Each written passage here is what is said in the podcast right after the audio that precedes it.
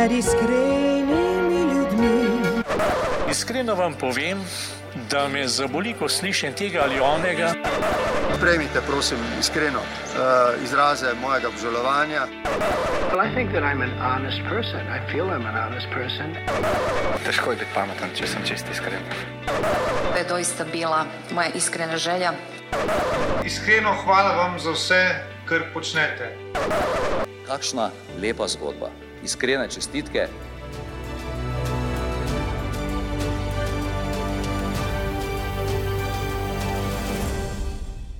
Drage poslušalke in spoštovani poslušalci, prisrčno dobrodošli v novi oddaji najbolj iskrenega podcasta, podcasta, kjer ne ustvarjamo mnen, ampak skušamo spremeniti kakšno srce.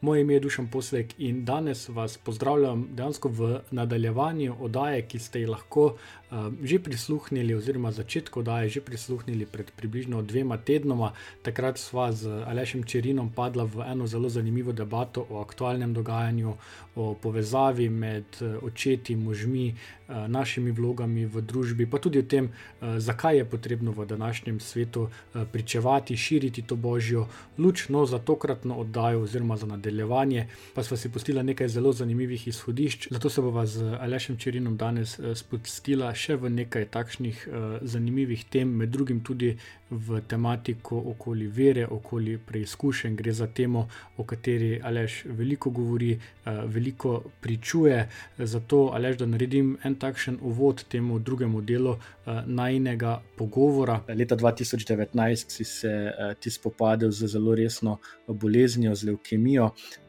Večina ljudi bi se ob takšni diagnozi povsem umaknila iz javnosti, vprašanje, če bi še kdaj.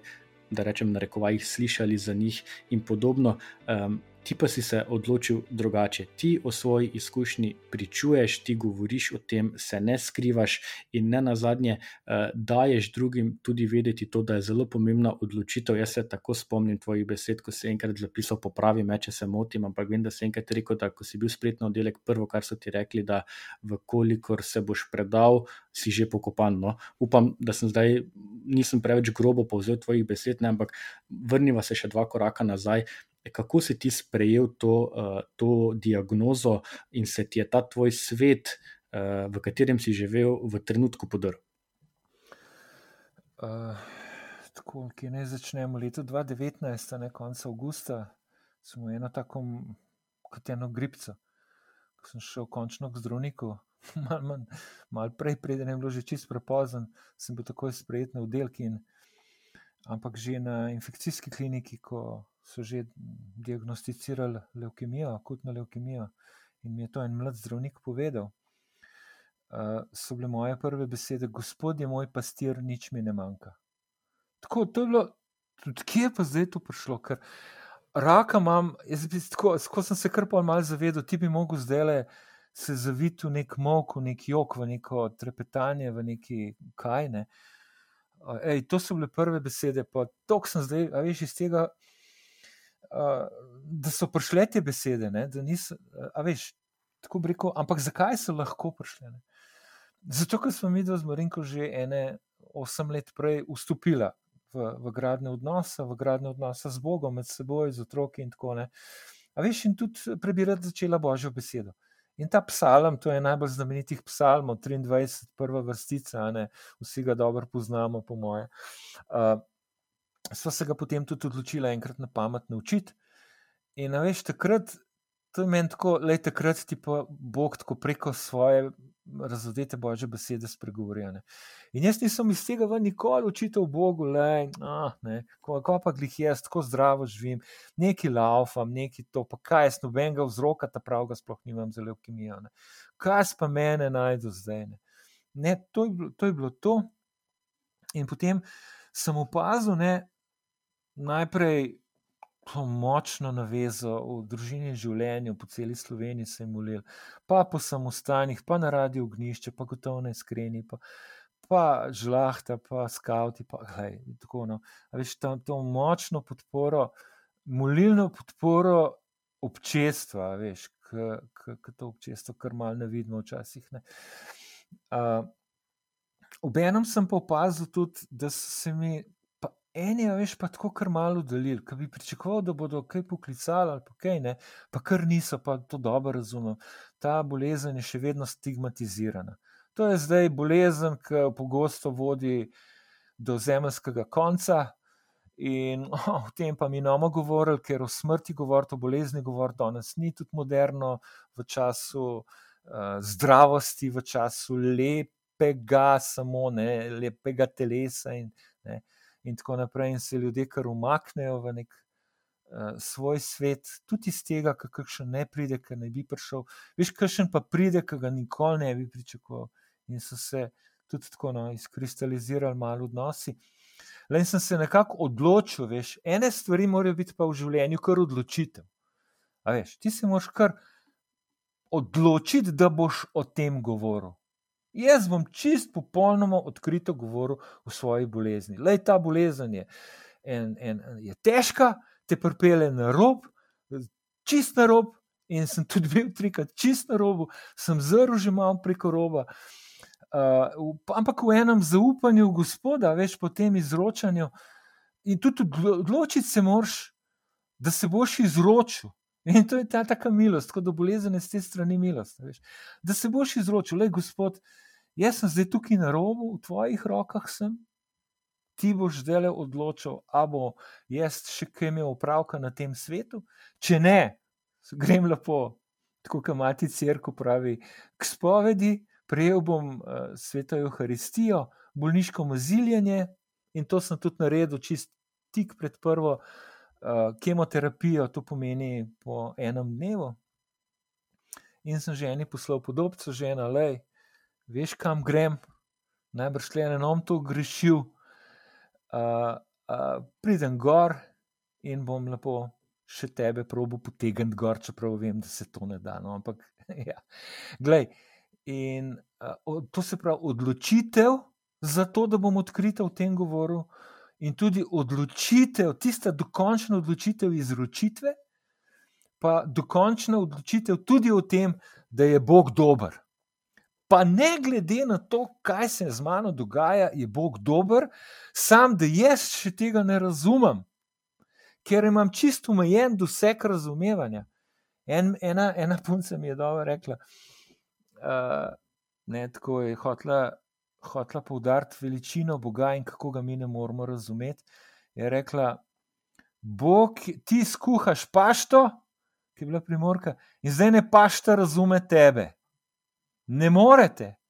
Pašta nima sposobnosti razumevanja človeka, tako pa mi nimamo sposobnosti dokončnega razumevanja Boga. Lahko v brisih zaslutimo, pa zaradi razodete Božje besede, zaradi Božjega sina, ki se je v človeku, ki stalno kaže na svojega očeta, lahko zaslutimo veličino. Nikoli ga pa ne bomo do konca razumeli, se pa sprijazen s tem, ne sprijazen. Odloči se za to, da je dober da ti ne bo dal škorpiona, če ga prosiš za jajce. Nikoli. Sam, da ti gledaš do konca tega življenja, življenje pa sega daleč, daleč preko. A veš te odločitve? Ne. In da ne preuprašuješ vsega. No, Kaj danes se moramo mi vsem preuprašovati, aj Bog dober, ki dopušča to gorja na svetu. Pa cele debele knjige se pišejo o tem, ja, dober je, dober je. Mi smo zabluzili, že čist na začetku in še vedno nam. In še vedno.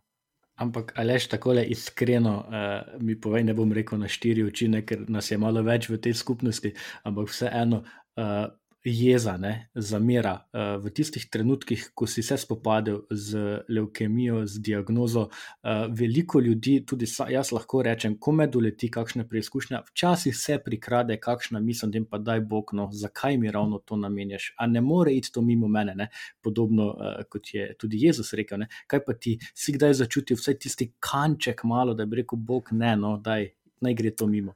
Nikoli nikol v odnosu do Boga, ampak paš, veš, takrat, ko je bolečina, takrat, ko je mm, agonija nekih vročic, uh, ko te vse trese, ki si imaš po ustih razjede, jasno, a veš, ko ne moreš ne jesti, noč hojšaš. Tako, no, veš, za noč si, no, če za noč si, kot rek. No. Mislim, ne vem, kako ne rečem. Totalno noč, no, moraš 10 sekund sedeti, veš, še pred kakšnim mesecem si pa lahko laufo, pol maraton, recimo. Ne. A veš, to te jezi. Zdaj, ampak zdaj sem rekel, to te jezi. Nisem rekel, on me je zjezil. Veš, nisem usmeril puščic v osebo Boga, v osebo žene, v osebo ne vem koga, ampak v to dejstvo, da tako je. Pa si v samici, pa tam svoje bolniške sobe, veš, sam, sam, začne, redki lahko prihajajo okoli. Skozi si bil v enem življenju upet, zdaj pa upuščaš stvari. Jaz ne rečem, da nisem bil jezen.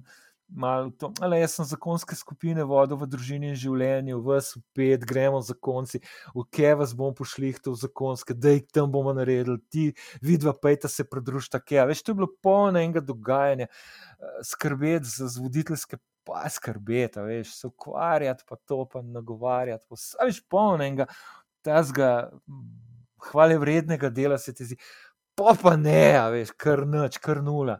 Eno stvar, ki sem jo tudi poslovno imel, še svojega farmacevtskega dela, poslovne kariere, sem tudi upustil. Tako da, veš, to ti pa malo tako, no, ja, ne rečem. Ampak še enkrat, to, ne on. A veš. Ne vem, kako, iskreno, čist iskreno. No. Iskreni podcast, iskreno na iskrenem podkastu. Super, da mi še pa reči tole, glede, eh, prej sem te malo spraševal, ne, ali si kdaj začutil ta obup nemoč ne, ob spoznanju, da, da te je doletela eh, ta bolezen, ta diagnoza. Sprašujem te predvsem zato, vemo, veliko staršev ne, ali pa tudi ljudi v življenju, ko se soočijo s takšnimi resnimi preizkušnjami ali pa z boleznijo svojih otrok, pogosto pade ravno v to uh, brezno obupa in nemoči. Ne. Uh, tudi jaz lahko rečem, ko sva zvedla z ženo za, za najnega najmlajšega uh, sina, da, je, da ima resne uh, zdravstvene težave, v enem trenutku sem padel v tisto globel, uh, ko je zelo temna in težko vidiš to luč ven. Kakšen nasvet bi recimo dal ti vsem tem, ali pa vsem nam, ali pa vsem tistim staršem, posameznikom, ki se soočijo, pa ne znajo najti te poti na svetlo. Na svet, veš, kdo kot narod talam. Na... Jaz, jaz sicer rad talam na svete, ker sem bil svetovalec, veš. Sam vem, da se to ne spodobi, ne. pa tudi v resnici zdaj le nimam enega dobrega, dobrega na sveta, ampak morda, no, morda če poskusim. Jaz vedno, a veš, kako no. Uh, en vic bom povedal, ker tole sploh ne paše, ne. ampak vendarle. Uh, Katehistinja želela predstaviti a predstaviti vevrco. Ne, pa je začela žival risati na tablo, pa košat rep, pa brčice, pa učke. Take, ne. In vpraša Janezek, kaj je to? Ne? Pa pol Janezek pravi, "Mm, mislim, da je vevrca, ampak pravi odgovor je Jezus. A veš, a veš, v katehetskem svetu je vedno odgovor Jezus, v našem svetu je vedno ta pravi odgovor Jezus. No. Zdaj, kako nekoga, ki mm, zavrača koncept presežnega, če tako rečem, zelo na široko, ne, ali pa ki ga ima, ki ima zblojen ta koncept, bom čisto lepo po domače rekel, ne, ki ima samo odrešenski načrt za samo odrešenje, uh, in pa zdaj v tej stiski, ko noč ne moreš, se tudi ne moreš ven potegniti sebe, sebe ven potegniti iz stiske. Ne. In to ne deluje. Ne. Ampak te nekdo, ki je vse mogočen, lahko potegne iz brezna, iz te črnine, iz brezna, ki je vse mogočen, ki si ti uh, noč in to on zlahka naredi. Ne. Sam, če mu dopustiš, kako pa to naj dopustimo. Ne? Ja, glej, sej čistko začni z enim ne, lej, gospod, a pa nauč rekel gospod, ker to mal tak crkveni izraz. Bog, če si, ne, lahko celo tako pogojno rečeš, da je pomagi mi, ne, ker, a veš, ker nimaš vere, ne. En kanček, veš, vere moraš imeti, jaz ne vem, en, eno gorčično zrno, recimo nekaj, a veš, tako da ti od nekje iz mladosti ustal, ki si morda videl svojo staro mamo molt, ki si videl, kdaj starega fotora ali pa očeta, mamo ali pa nekaj en kanček vere, rabaš. No? Drugače bo šel po to samo odrešenje, ki ni, ki ni dovolj in, in je takoj vodi nazaj spet v, v obup. Ker, A veš, zmol za začetek, če znaš, oče naš, če ga še znaš, ga lepo zmol. Ne? Pa gospod, pomagi mi, gospod, pomagi mi. A veš, in pa potem Bog poskrbi, veš, da se tvoja vera veča. Ne? Si še celo zdravnica enemu možu rekla, gospod, zdaj imate tako dobro priložnost, tako bolezen imel, kaj jaz, da uredite svoje odnose. Začni to urejati. Veš, če imaš raz, raz, take, raz, razhajkane, začni nekaj delati, kar je vredno. In odnos z ženo je vreden, da ga začneš vzpostavljati nazaj v eni taki priložnosti ne vem, eni taki, aj to, kar še na svet, ne vem. No, ampak to to je težko. In, ampak, če tega ne začneš delati, je rekla zdravnica. Ja, gospod, vi ste šel v depresijo, oziroma ste že, če, no, če, če, če, če nova uspela iti ven iz tega, s čist posvetnimi, veš, uh, boste umrli. Še noben, ki je šel v depresijo, ga nismo rešili. Tako je, no, aj to na svet, ki še pameten. No, jaz, jaz sem hvaležen, gledaj dušan svojim staršem za ta kančk vere. Za tist, le, mol se, pred kosilom se mol, uh, to je to, mol, pa imaš, gremo vsako na delo. Lej, to, to, to je to, kar sem jaz tu doma dobil. Pa en, ta zgled, t, gremo, le, imaš pa gremo, pa ne glede na to, da smo na morju, a smo bili cel dan v hribih, le v devetih začeli gremo, frančiškano, imaš. Konc, fertik, ni bilo govora, a veš. Ne? pa neč kaj dosti več, ampak je to dovolj, da razpihaš ob takih priložnostih, v, v nekih priložnostih, ki ti jih Bog daje, v, v, v oseben odnos z Bogom, v kar smo pravzaprav vsi povabljeni. No. Je pa to težko, začni pa kar na čist navadnem področju, ene navadne molitve, ki nam jo je Jezus zapustil. Dobro, ali si ti praviš, da nekega e, nasveta ne moreš dati, oziroma ga težko daš, ga je nehvaležno dati, ampak vseeno, gotovo tudi jaz, kot tudi najni poslušalci, cenijo že to, samo da svojo izkušnjo podeliš. Ampak še ena stvar, na katero bi se pa rad navezal, ko ti govoriš o tej svoji preizkušnji, o tej svoji bolezni, pa je tudi tole. Ko govoriš o bolnišnici, se vedno znova vračaš še k dvem besedam. Ne? Eno si že omenil in to je ta vera, druga pa uh, svetopismo. Uh, jaz imam občutek, občutek, da, eh, da si ti vso to svojo preizkušnjo res nekako zapeljal točno na te tri ključne besede. Torej, ko si bil v bolnišnici, ti je. Na koncu, oziroma, ko nisi imel moči za nič drugega, ti je dalo uh, tisto energijo, tisto moč, samo to, da si, če se prav spomnim tvojih besed, roko položil na svetu pismo in to je bila tvoja izročitev tiste situacije. Ne? Ja, res je. Uh, res je v enem obdobju, no, v prvi kemoterapiji sem bil čez noč, čez, čez noč. No, tako rekel, nič nisem mogel, nič. A veš, kaj ne moreš se za deset sekund uležiti. Nič, v enih vročicah, v enih blodnah, pravzaprav, ker so bile bolečine tako velike, so mi dali neke močne analgetike. Pol. Je to pripeljalo do tega, da, da sem imel glavo totalno zmedeno in uh, in nisem mogel, recimo, oče naša zmot, ki sem že govoril, oče naša, do konca oče naša sem se ne petkrat zgubil, nisem, nisem ga zmogel do konca zmot. Si predstavljaš? Ne si ne, zato mogoče, če nisi bil v tej izkušnji, si ne moš predstavljati. Kako je to, kako je to tako hudo. No. In, ampak to pa sem, da sem imel na nočni umarci, tisti bolnišnični, ne, uh, svetopismo in sem si ga kar potegnil. To sem še nekako imel moči, da sem si ga not potegnil v, v poslo, prav tako zraven mene je spalo nekako svetopismo. Ne. In sem dal roko gor, sem, tako sem si mislil, da je Gospod. Naj se pretaka tvoja, tvoja moč preko Božje besede, tako sem jo to za simbol Boga, no, ali kako ne rečem. In, lej, dej, lej, po eni strani kemoterapija, užilo, tle gor sem imel, po drugi strani pa Božja, Božja moč. No. Tako, Reko, to, je, to mi je tako dalo. No, viš, pol pa, ki prideš ne, iz te stiske kemoterapije ven, je bilo pa sveto pismo zanimiv, zanimiv pripomoček veš, za oznanjanje. Ne. Ker je tako provokativno imeti sveto pismo na nočni umarci v bolnišnici, ne, so se v skoraj vsaki viziti, veš, zdravniki zapičali skoraj bolj v sveto pismo, kot vame. Tako da sem se že sprašoval, če je prav, da ga, da, da, da ga tle imam, ali ne se raje z mano ukvarja, ne z božjo besedo. Ampak so rekel, ne, ne, Bog bo že poskrbel, če bom jaz bil zvest. In, in smo se veliko pogovarjali o Bogu, veš, ko vizita. To se ne baše noto sobo, kaj se meni, 10-15 zdravnikov, pa smo kašno božjo rekli, pa ne na dolg, pa na širok, se veš, da morajo vedeti do drugega pacijenta. Ampak, gledaj, vsakič, ja, Da podeli eno takšno zanimivo anegdoto, če se spomniš, kaj je bilo tista ena debata, ki ti je pustila sled v tebi, pa ta bo pa zdravniki. Zdravniki, osebje, veš, vse zdravnike relativno malo vidiš, oni delujejo tako v zadju. Vsak tok časa pridejo zjutraj, eh, en parlava, ko je vizita, jih 10-15 not pride, kot ko timsko delajo. To je bilo full dobro izkušnja tega timskega dela. Sestre so pa skozi, one pa skozi, skozi, skozi. In sej ne vem, kako ne rečem, anekdota. One so nekako sliši, s čim se vi ukvarjate, a ste vi kaj, psihoterapeut, ste ne vem kaj, a ste kaj. Ne? Ja, za konci se ukvarjam, ja, kako za konci. Ja, tako da ostanemo skupaj, ne? preventivno delamo, da za konci ostanemo skupaj v teh zmedenih časih. Ne? Ja, o, kako dobro. Pa Viš pa so pa kar prihajali, ne tako, kot meni.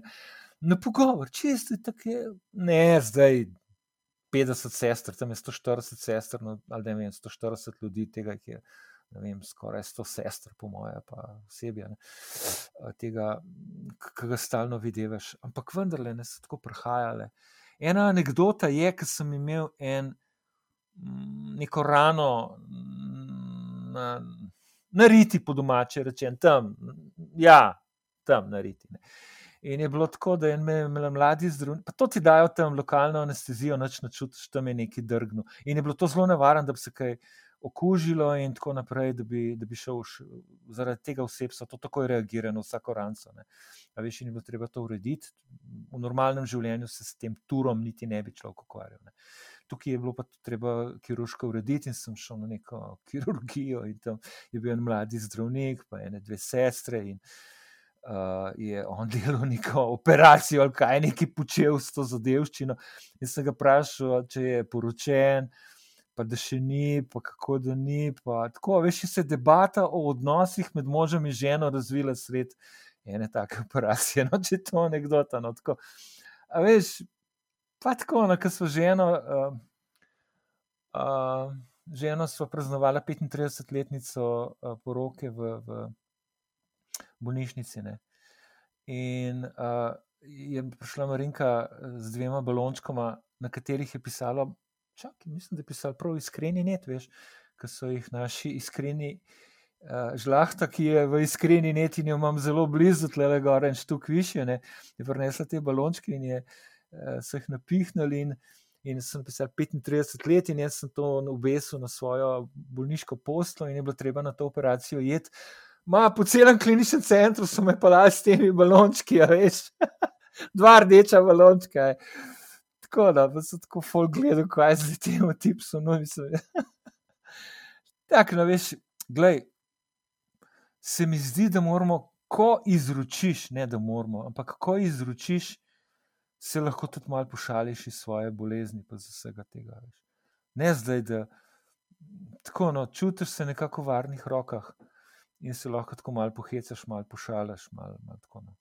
Veš, in, in, Ob vsem tem, ne, kar si pa zdaj navedel, pa vem, da si že večkrat imel kakšen zapis na temo hvaležnosti. Ne, ne samo, dobro, pustimo zdaj hvaležnost do Boga, do družine, seveda, to je, to je bilo tudi v veliko tvojih zapisih, ampak ti si se večkrat osredotočil tudi na eno drugo hvaležnost in to je hvaležnost do uh, medicinskega osebja in do zdravstvenega uh, sistema, ki je v Sloveniji. Ne, dan danes, ko je res to tema, o kateri se praktično vsi pogovarjamo, vsak ima svoje mnenje, ogromno je tudi kritik kritik, ne na zadnje tudi žaljivk na račun eh, naših eh, zdravstvenih eh, delavcev. Se ti zdi, da smo kot družba pa vseeno premalo hvaležni za ta sistem, za to, kar imamo? Dušan, ne da se mi zdi, vidim, pa vemo, ne, da smo premalo hvaležni. Nasplošno, le. V družini in življenju smo se kar odločili, da bomo nekako promovirali, dejanjali in eh, govorili o kulturi hvaležnosti. Le, tista, in, in jaz sem hvaležen, da ni upavilmi, da sta začela več to kulturo zahvaljevanja aktivnega sod, zahvaljevanja. Ne. Zakaj pa? Ja, milijon stvari se imaš za zahvaliti. Ne. Potem je pa še kakšna pomankljivost, gotovo, za ti se nož glih zahvaljeval, za ti boš pa rekel, no, tle imamo pa priložnost za izboljšavo. Ne. Kaj je to ta zgane? A veš, to prav, prav spet namensko gojiti v družinah, v naših odnosih, kulturo zahvaljevanja. In sem vesel, da sem te, nekaj tega lahko prenesel v, v bolnišnico.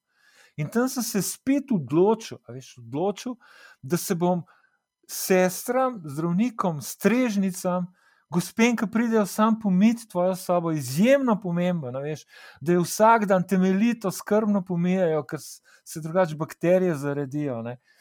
Sem rekel, čisto sem se bom zahvalil.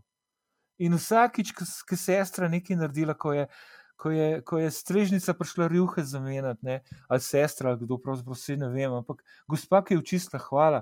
Ja, zakaj hvala, se je to moje delo? Ja, hvala, ker ste tako dobro počistila sobo. Pa tako, gledajte, zato, ker ste prišla z nasmehom noter. Lahko bi prišla na ščeperjena, pa, pa sitna, pa niste, lejte, pa smo lahko dve besede rekla.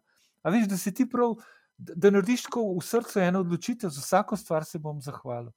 Pa, ker so tako zlate sestre, pa zdravniki, zastopaš, ki gledaš ta sistem, ki deluje.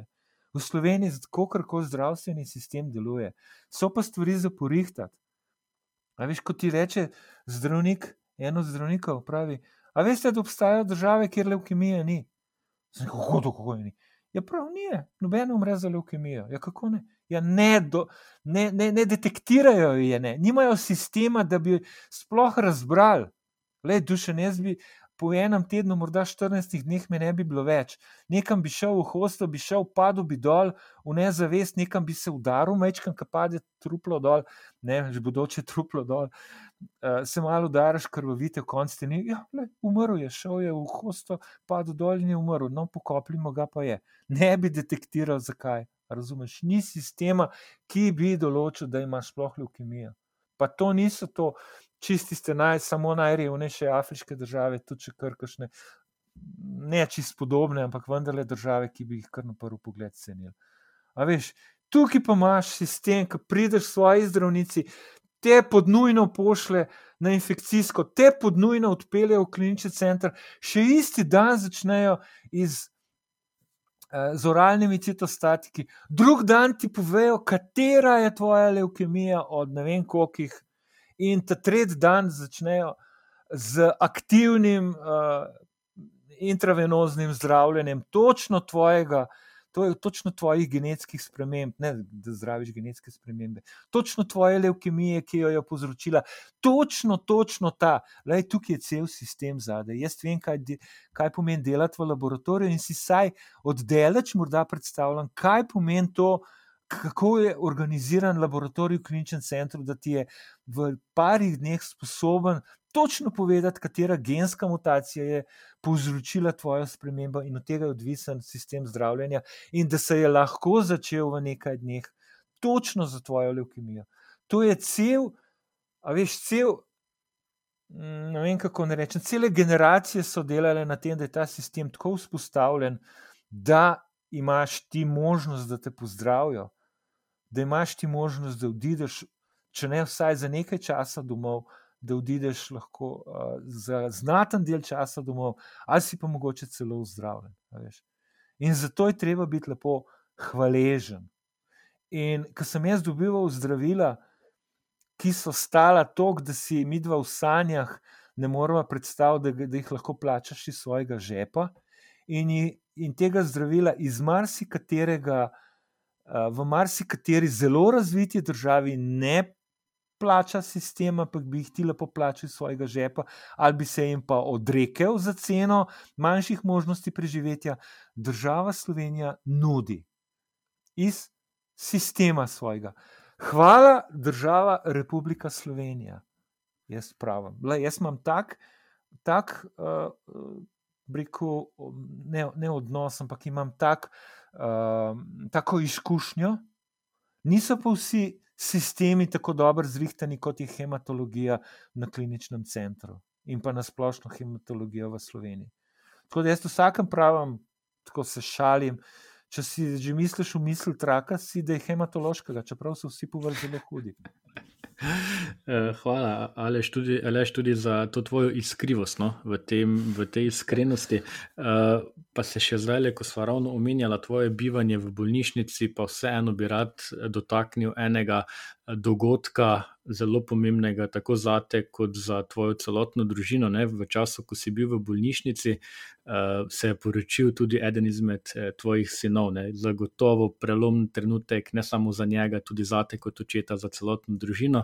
Ampak ti si pa le nekaj dni prej izvedel za diagnozo in takrat pa kako si to doživel kot oče, kot nekdo, ki bi moral, verjetno si se zavedal, ne, da bi moral v tistem trenutku stati v cerkvi ob sinu, ob enem si povedal, da to ne bo možno.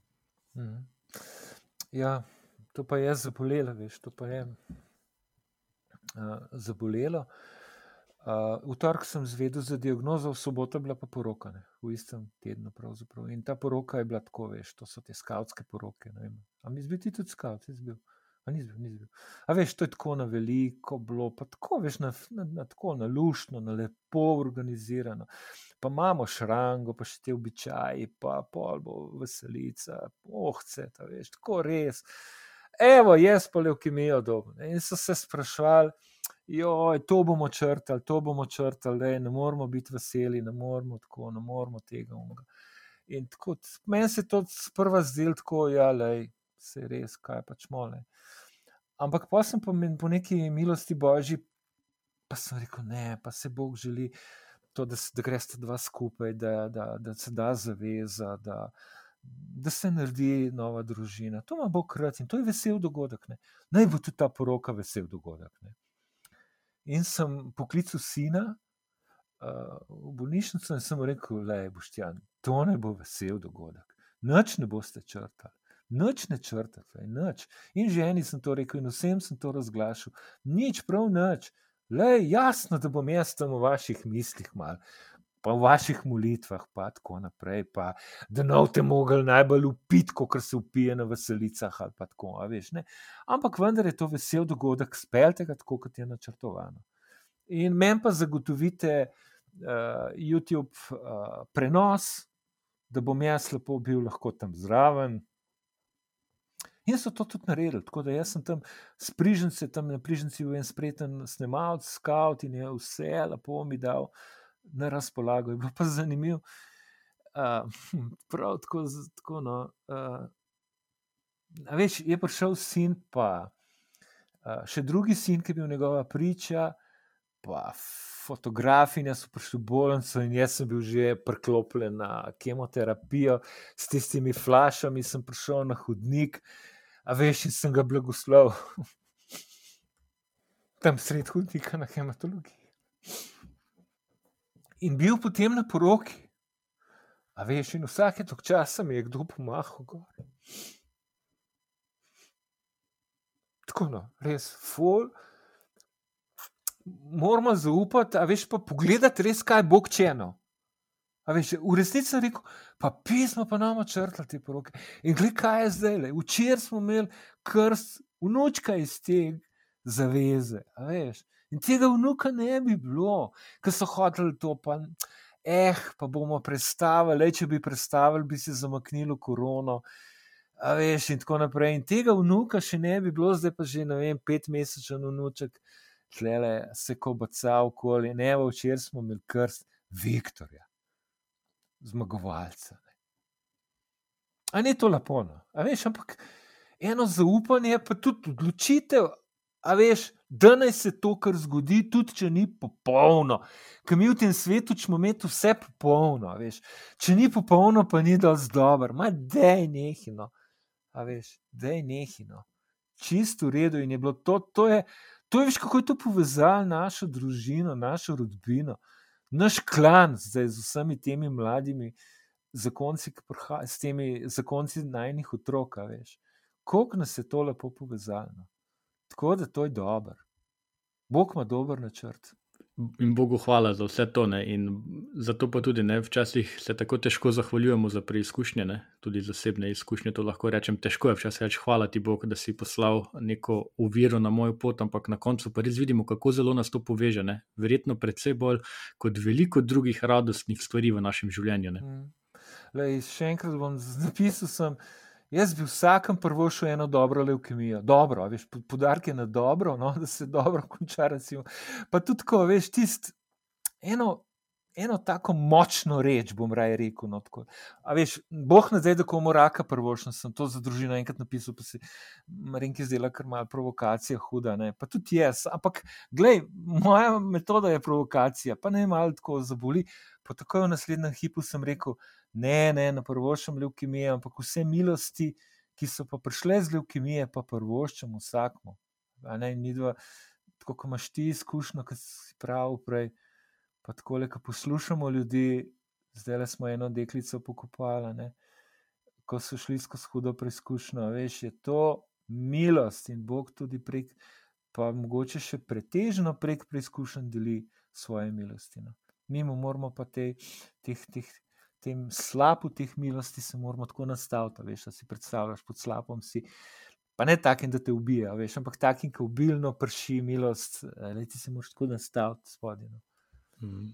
To pa in je spred, eno. In sprejeti odločitev, da bo šel pod slab. Ne? To je pa verjetno eden izmed težjih eh, trenutkov. Šel, tako da bo šel pod slab, veš, izpod katerega teče milost, ki prihaja od tam, kjer treba, in da ne greš pod slab, izpod katerega teče tisto, kar ne rabiš. Ne? Veš, kaj se včasih se um, to, kar ni dobro, se zapakira v dobro, pa nas potem mede. Bom rekel samo hvala ti uh, za to iskreno podelitev. Tudi na nek način je iz tvojih besed čutiti hvaležnost, veselje, majčkeno tudi bolečine, ampak te radostne bolečine, ki je spremljala uh, vse to dogajanje, ko si bil uh, v bolnišnici in sem zelo hvaležen za to, da lahko na takšen način o tem. Pričuješ v tem zares zadnjem, zadnjem delu najnega pogovora, pa se bom vseeno osredotočil še na nekaj drugega na nekaj, na kar ti sicer mogoče vnaprej nisem toliko pripravil, ne, ampak verjamem, da mi boš ne, znal, znal odgovoriti. Um, prej si že omenil, ne, zdaj imaš tudi izkušnjo, da si dedek, ne, ponosen dedek, koliko vidim iz tvojega obraza, ker mi dva, ko snemava, se gledava, ne, kar žariš. Ampak uh, povej mi, kako se pa spremeni gradnja odnosa, recimo do žene. V času, ko se recimo otroci odselijo, oziroma ko ni več ta centralna pozornost usmerjena na vzgojo, na skrb za otroke, ampak se lahko v polnosti um, posvetiš partnerju, ženi. Ne? Zakaj te to sprašujem? Tudi samo opažam pri ljudeh, ne, ko se otroci odselijo, uh, nekaj časa delujejo prav zgubljeno. Ne? Ja, uh, rekel si, ko ni več tvoj fokus, ali kako si že rekel, na otrokih, na vzgoji. Sej fokus nikoli ne sme biti tam. A veš, fokus nikoli ne sme biti tam. Fokus je tvoj odnos z ženo, In ko bo ta odnos dober, pa ne dober, ne samo dober za trojko, ne? ampak uh, Bog želi, da je ta odnos odličen. In ko bo ta odnos dober, prav dober, odličen, bodo tudi, bo tudi vzgoja v redu, bodo tudi tam odnosi z otroki v redu, in tako naprej. Veš, ko pa je fokus drugje kot tam, kjer je treba, to se pravi, da ni v, Bo, da ni v Bogu fokus, da ni na so zakoncu fokus, in potem, da fokus gre še z otrok, pa še z vsega. A veš, potem gre pa vse narobe. Se pravi, da, da ti se enkrat spet odločiš, da narediš prioriteto tvojih odnosov, pa tvojih. Uh, ja, prioriteto v tvojem življenju in to začneš z odnosi. In ko daš Boga na prvo mesto, in ko daš ženo, kar se ljudi tiče, na prvo mesto, ali pa če še upoštevaš Boga na odlično drugo mesto. Ne? In ko daš otroke na tretje mesto, ko daš starše na odlično četrto mesto, sicer je, ni več bronaste kolajne, ne, ni več kolajne, je pa še vedno odlično četrto mesto, kjer so tudi najboljši prijatelji. A veš, ko, ko, ko začneš tako odnose šlihtati, imaš potem možnost, da začneš dajati večjo prioriteto tistim odnosom, ki so više na prioritetni lestvici. Ne. In ko starša, mož pa žena, ne, za konca, uh, gradita ta najbolj pomemben odnos, ko nekako se ona dva brusita in to opazujejo ter srkajo, vajeni otroci, to najboljša vzgoja. V bistvu moš pravzaprav ti vzgajati samega sebe, pa v odnosu z koncem, seveda, vzgajaš samega sebe, ker imaš fajno ogledalo ne? in dopustiti, da to ogledalo deluje. Ne? Potem ti, ti najbolj vzgajaš svoje otroke. In potem uh, bodo tudi zlahka šli. No. To, to, to nekje, nekje pišem, nekje govorim o tem. Ne. In se ne boš občutil, počutil čist nič izgubljenega, prišla bo samo nova vloga.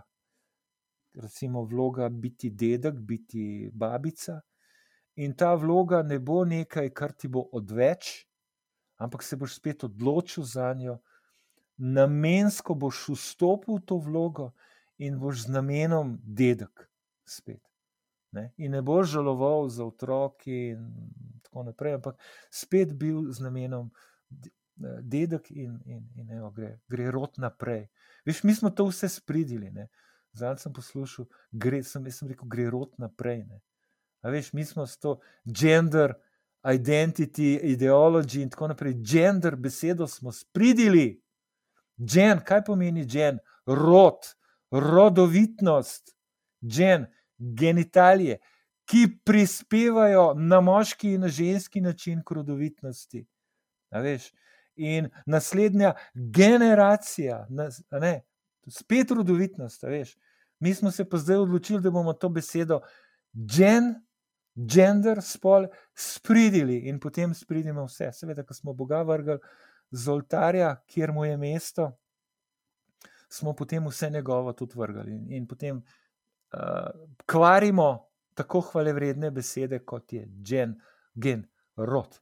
Če te prav razumem, ne, potem ni, če recimo že v času, ko skrbimo za otroke, imamo pravilen odnos, tako kot si zdaj ti naštel po tej eh, prioritetni lestvici, potem tudi v trenutku, ko se otroci odselijo, oziroma ko ni več tistega vsakodnevne interakcije, oziroma vsakodnevnih skrbi, ki so zagotovo povezani eh, z otroki, potem dejansko je tudi bistveno manjša skrb ali pa strah za to, da bi pa zdaj mogel zelo intenzivno delati na odnosu med. Eh, možem in ženo, da ta ostane, da se ne spremeni, oziroma Bog ne da, da celo gre uh, po kakšnih različnih poteh. Ne, po isti poti greš naprej. Ne.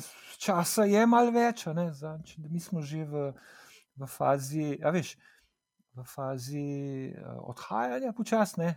Tako, a veš. Odhajanja, ne? tako kot je, jaz imam tole prispodobo Jana Zakrstnika, pa Jezusa Kristusa. Jan Zakrstnik je bil takrat zvezdnik, veš, ampak je prišel njegov bratranc, ki je še večji zvezdnik. Ne? In kaj je rekel Janus Krstnik, se je oklepal svojega zvezdništva? Ja, nisem. Rekl je, on se mora večati, jaz pa manjšati. Ne? In mi se moramo manjšati ne? v smislu odhoda iz, ne, iz življenja svojih otrok. Ne? Ampak ne, da tam se rind v odnos, tam, kad se ti ni treba več rind, pa odhajati iz odnosa, tam, ki bi še moral biti. Ne? Ne, tako je enkrat nekdo rekel, do zadnjega hipa, ne, do zadnjega diha si odgovoren, si odgovoren na dveh področjih. V odnosu do Boga, da stalno raste, pa v odnosu do sozakonca, v odnosih. Ne. Na telesnem področju, na umskem področju, tle ne moreš stalno rasti. Mi smo pa to sprevrgli, pa rast hočemo na stara leta na telesnem področju. Ma kaj boš, ne moreš ti maratona tako laufati, kot takrat, ko si starček. Ne moreš ti biti tako gibljiv, spreten, hiter, močan, ne moreš, kot ti odmirajo mišice, tako je. Ne? Lahko pa ti rasteš in moraš rasti v odnosu do Boga in do, do ljudi. Tukaj pa lahko napreduješ neizmerno. Pa se ti zdi, da se ljudje v, da ne vem, če rečem prav, tretjem življenjskem obdobju, ne, karkoli eh, se zdaj mi to predstavljamo, govorim o obdobju, ravno o tem, o katerem se zdaj govoriva, da si znajo priznati, da enostavno je potrebno eh, prilagoditi način življenja, da nisi več. Toliko sposoben, toliko gibčen, toliko aktiven? Eh, ali, ali zato enostavno ni nobene potrebe, ne? in je to samo neko breme, ki si ga nalagamo, oziroma ki nam ga nalaga družba. Ne, seveda ni potrebe si nalagati bremena. Ja, je pa to breme, ki nam ga nalaga družba. in to breme ti čutiš, uh, pa ga je treba zavrniti. Kako ne rečem, da sem tako rekel, treba zavrniti. Ga pa težko, če ti ne živiš enega uh, zavedajočega odnosa, ali pa nek, nekega, da, da, ne, da ne reflektiraš nič v življenju, da živiš kot tri dni. In potem te vse medene. In vse, vidiš, cele reklame. Ne. Reklame, ki starčke prikazujejo tam, ki so v nekih eksotičnih krajih, pa pijejo koktejlčke z unimi marelcami. To je zdaj, ko kar višek tega, kaj se ti mora dogajati v starosti. Dej, stari, no, tle po doma bod, malo pe tle v hosto, ko kar še moraš. Uh, Crkle ženo, tako kot si jo, le z unučki se obadi, otroke pa povzdiguj, a veš, kako dobro delajo, ne? ko v resnici delajo boljš, kot si ti delal takrat, ko si bil tako star. Da si ti star, si prišel do enega spoznanja, zdaj boš pa pametval na pamet. Le. Ma da je mer, pusti jih primer, ki veliko bolj delajo kot ti.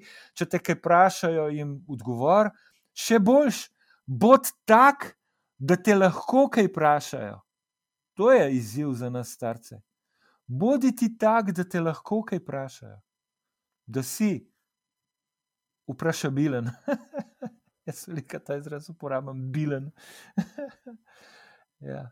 Alež nič, eh, kakorkoli obrnemo, mi dva smo ta najmen pogovor počasi eh, pripeljala do konca. Še enkrat se ti zahvalim za, za oba dela, za vse podeljene misli, za res, za res eno globoko iskrenost, ki sem jo začutil v tem najmenjem pogovoru.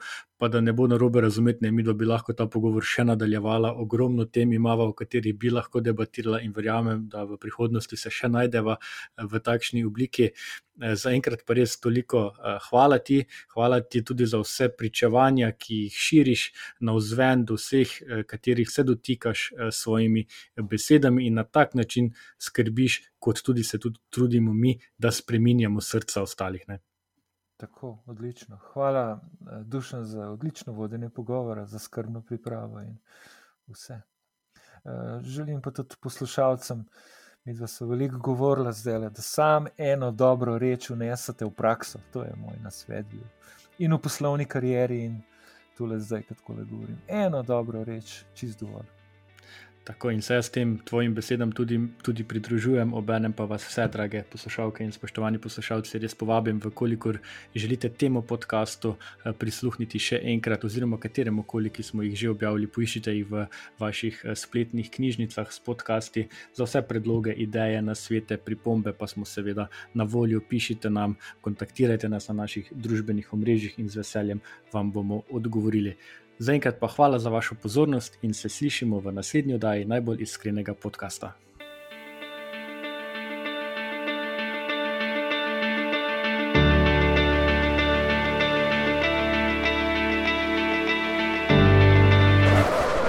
Iskrenimi ljudmi. Iskreno vam povem, da me zaboli, ko slišim tega ali onega. Sprejmite, prosim, iskreno uh, izraze mojega obžalovanja. Well, I think that I'm an honest person. I feel I'm an honest person. Težko je biti pameten, če sem čest iskren. To je doista bila moja iskrena želja. Iskreno hvala vam za vse, kar počnete. Kakšna lepa zgodba. Iskrene čestitke